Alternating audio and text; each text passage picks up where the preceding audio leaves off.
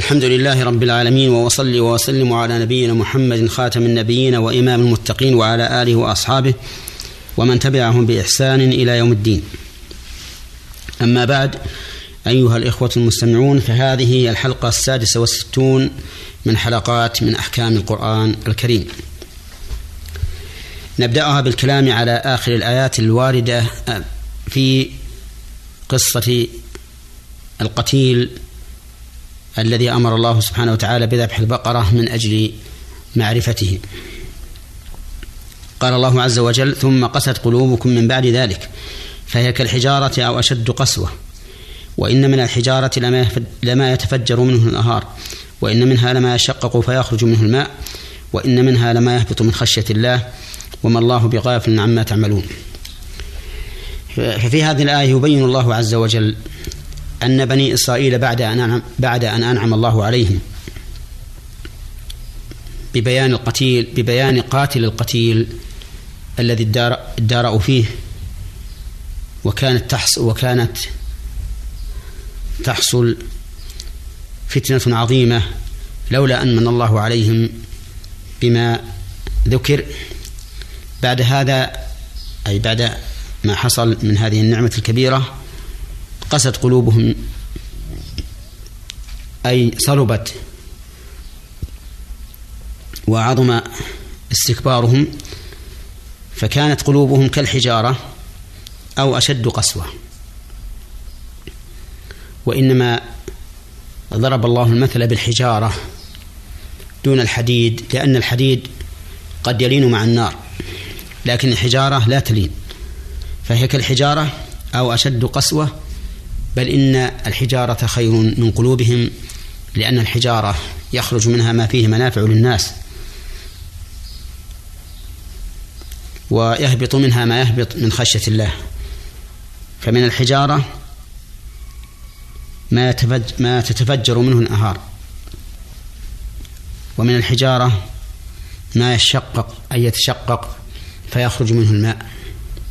ومن الحجارة ما يهبط من خشية الله.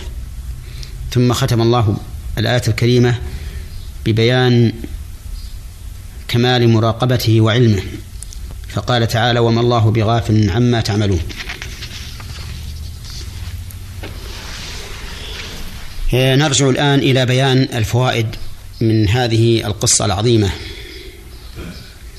فمن فوائدها أن الرجوع إلى الأنبياء عليهم الصلاة والسلام في الأمور الهامة التي طريقها الشرع كان أمرا فطريا سار الناس عليه من زمن بعيد. ويتفرع على هذه الفائدة أن الواجب على الأمة إذا أشكل عليها شيء من أمور دينهم أن يرجعوا إلى أهل العلم بشريعة الله. وذلك لأن شريعة الله ولا سيما الشريعة الإسلامية التي جاء بها محمد صلى الله عليه وسلم فيه شفاء من كل داء وفيه حل لكل مشكل. ولهذا قال الله تعالى فإن تنازعتم في شيء فردوه إلى الله والرسول. أي إلى كتاب الله وإلى الرسول صلى الله عليه وسلم في حياته وإلى سنته بعد مماته. ولم يأمر الله تعالى بالرجوع إلى إلى الله ورسوله إلا لأننا سنجد الحل الشافي الكافي في الرجوع إلى كتاب الله وسنة رسوله صلى الله عليه وسلم. وما ضر الأمة وأوجد عندها المشاكل التي لا منتهى لها إلا غفلتهم عن كتاب الله وسنة رسوله صلى الله عليه وسلم. ومن فوائد هذه هذه الآيات الكريمة بيان عتو بني إسرائيل وتأخرهم في تنفيذ أوامر الله وأنهم قوم معاندون متشددون. شددوا فشدد الله عليهم. لأنهم ذكروا استفصالات كثيرة في هذه البقرة التي أمروا بذبحها. ولو أنهم ذبحوا أي بقرة حين أمروا أن يذبحوا بقرة لحصل لهم المقصود لكنهم شددوا فشدد الله عليهم. ومن فوائد هذه الآيات الكريمة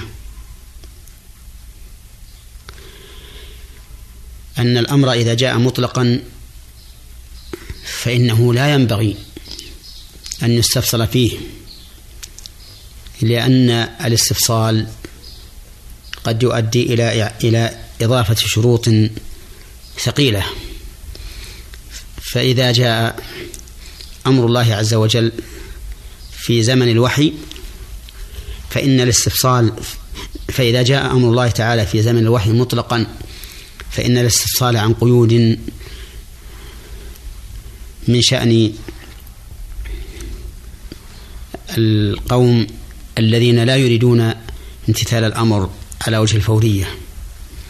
أما بعد انقطاع الوحي فإنه لا حرج على الإنسان إذا ورد الأمر مطلقا أن يبحث عن شيء مقيد له وذلك لأن الشريعة قد تمت ولا يمكن زيادة إضافات إليها.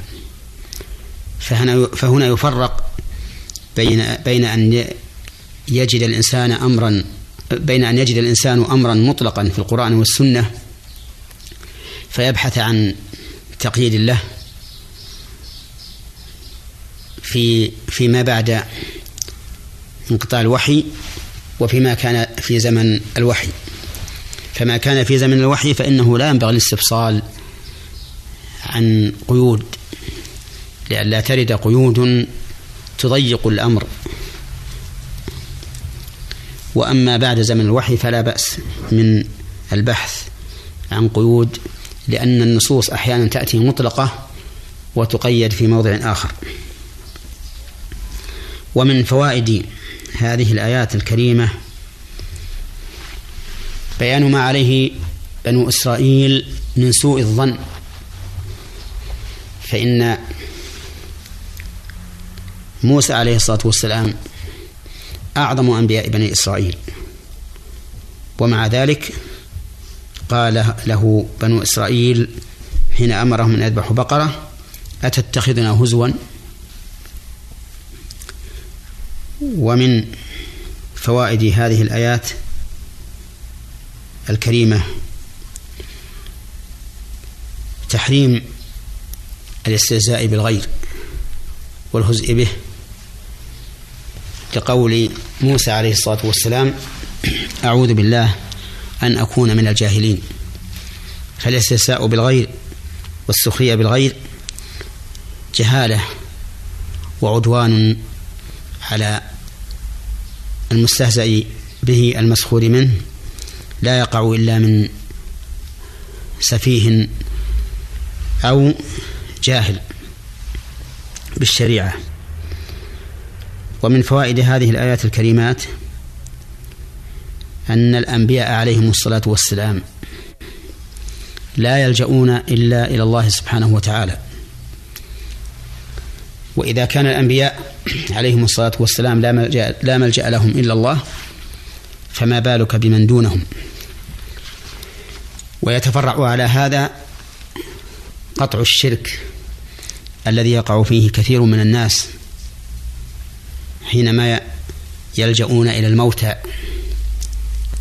من الأنبياء أو ممن يزعمونهم أولياء. يلتجئون إليهم يعوذون بهم ويستغيثون بهم. فإن العياذ بغير الله عز وجل في أمر لا يقدر عليه المستعاذ به من الشرك وكذلك الاستغاثة بغير الله في أمر لا يقدر عليه المستغاث به هو من الشرك أيضا. فالله سبحانه وتعالى هو الملجأ الذي يلجأ إليه كل كل مخلوق ولا عاصم من أمر الله إلا من رحم. ومن فوائد هذه الآيات الكريمات أن المجمل إذا علم المراد منه فلا بأس أن يكون الجواب عليه مفصلا. وإن كان هو مجملا لقوله فقال قالوا ادع لنا ربك يبين لنا ما هي. قال إنه يقول إنها بقرة إلى آخره. فإن قوله يبي فإن قولهم يبين لنا ما هي. مجمل مبهم لأن لأن الأسماء الأسماء الموصولة من الأسماء المبهمة المجملة. فلا يعلم ماذا يريدون. بقولهم ما هي لكن إذا كان المخاطب يعلم المراد بهذا المجمل المبهم فلا بأس أن يكون الجواب على حسب ما فهمه المخاطب ولهذا قال لهم موسى قال إنه يقول إنها بقرة لا فارض ولا بكر إلى آخره ومن فوائد هذه الآية. هذه الآيات الكريمات إثبات القول لله عز وجل في قوله إنه يقول إنها بقرة لا فارض ولا بكر. ومن فوائد هذه الآيات الكريمة أن الله سبحانه وتعالى مجيب لمن دعاه لأن موسى دعا ربه سبحانه وتعالى أن يبين ما هي فأخبره الله أنها بقرة لا فارض ولا بكر عوان بين ذلك. ومن فوائد هذه الآية الكريمة أن أحسن شيء يتقرب به إلى الله ما كان فوق الصغر ودون الكبر الكثير لقوله إنها بقرة لا فارض ولا بكر عوان بين ذلك. ولهذا جاء في الحديث الصحيح لا تذبحوا إلا مسنة إلا أن تأسر عليكم فتذبحوا جذعة من الضأن. فنهى النبي عليه الصلاة والسلام عن عن التقرب إلى الله بذبح الصغيرة. ومن المعلوم أنه كلما كبرت البهيمة آه، قل شأن لحمها وتردى فلهذا يكون ما بين الصغيرة والكبيرة هو الأفضل. فيما يتقرب به إلى الله عز وجل. وإلى هنا ينتهي بنا القول في هذه الحلقة وإلى حلقة قادمة إن شاء الله. والسلام عليكم ورحمة الله وبركاته.